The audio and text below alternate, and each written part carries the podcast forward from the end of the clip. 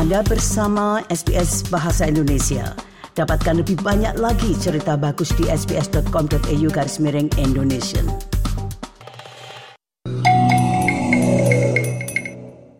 SBS SBS SBS SBS SBS This is SBS Radio.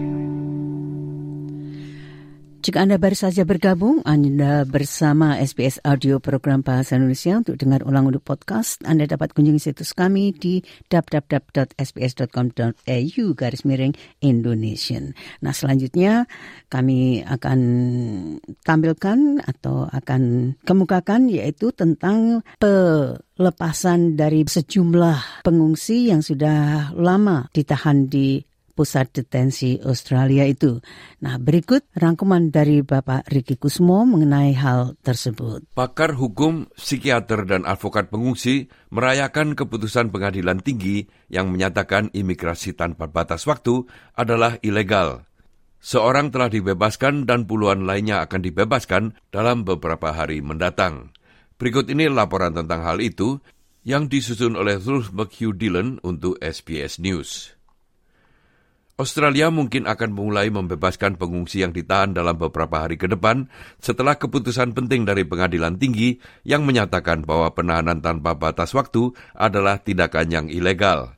Keputusan tersebut membatalkan peristiwa yang telah terjadi yang sudah berlangsung hampir 20 tahun, di mana mengizinkan para pencari suaka yang gagal ditahan tanpa tanggal pembebasan. Pemerintah tidak mempunyai alasan untuk mengajukan banding atas keputusan pengadilan tinggi itu.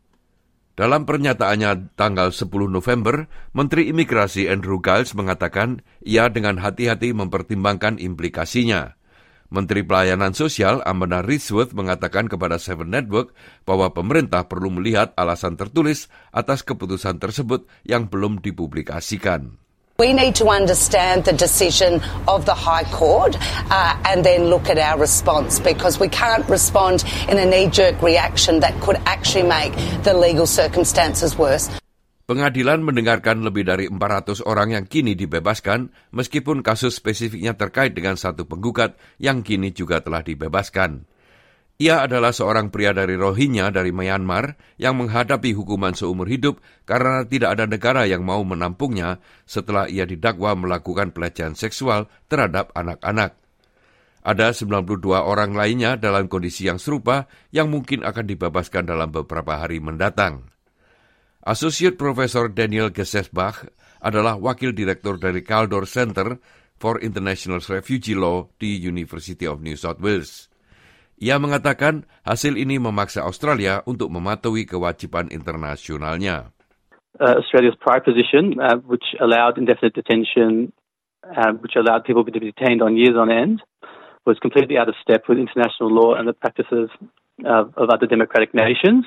Indefinite detention has always been arbitrary and unlawful under international law. So this is a big win for human rights. Rata-rata waktu yang dihabiskan orang dalam tahanan imigrasi adalah 708 hari, dan ada 128 orang yang ditahan oleh pemerintah selama lebih dari lima tahun. Dampak penahanan tanpa batas waktu terhadap kesehatan mental tidak dapat dilebih-lebihkan, demikian dikatakan oleh Direktur Program Hukum Klinis di Universitas Murdoch, Anna Copland. Ia menyaksikan sendiri kerugian yang dialami oleh klien yang diwakilinya. It's terrible. It's awful. I mean, it's worse than prison.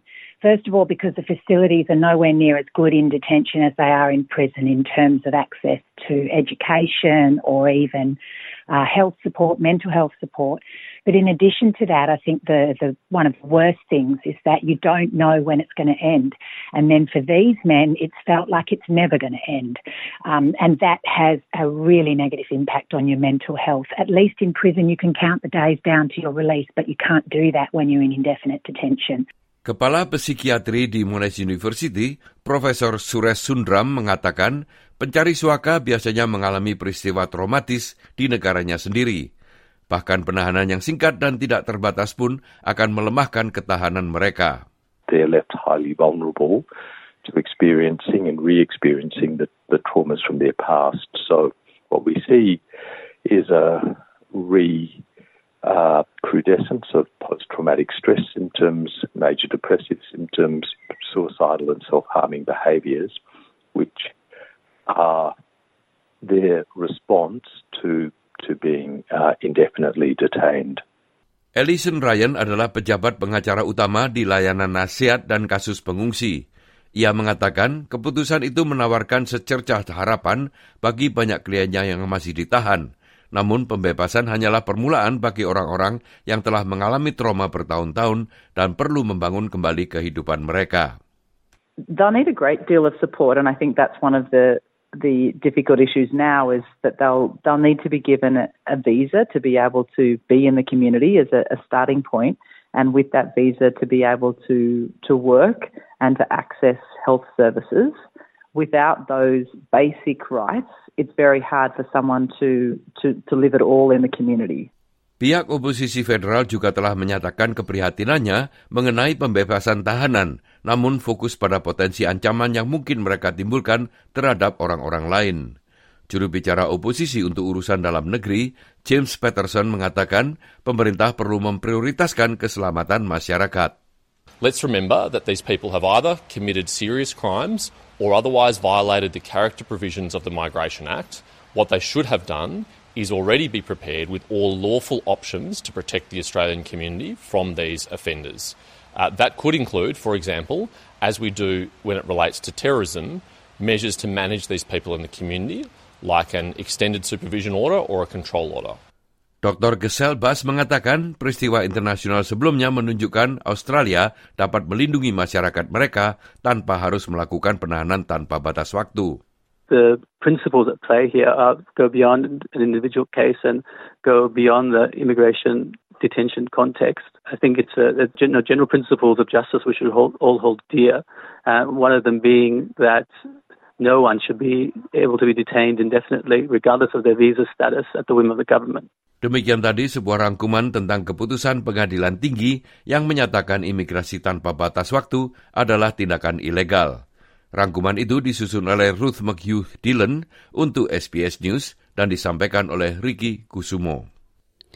Nah itulah tadi rangkuman tentang pelepasan sejumlah pengungsi yang ditahan di pusat detensi di Australia.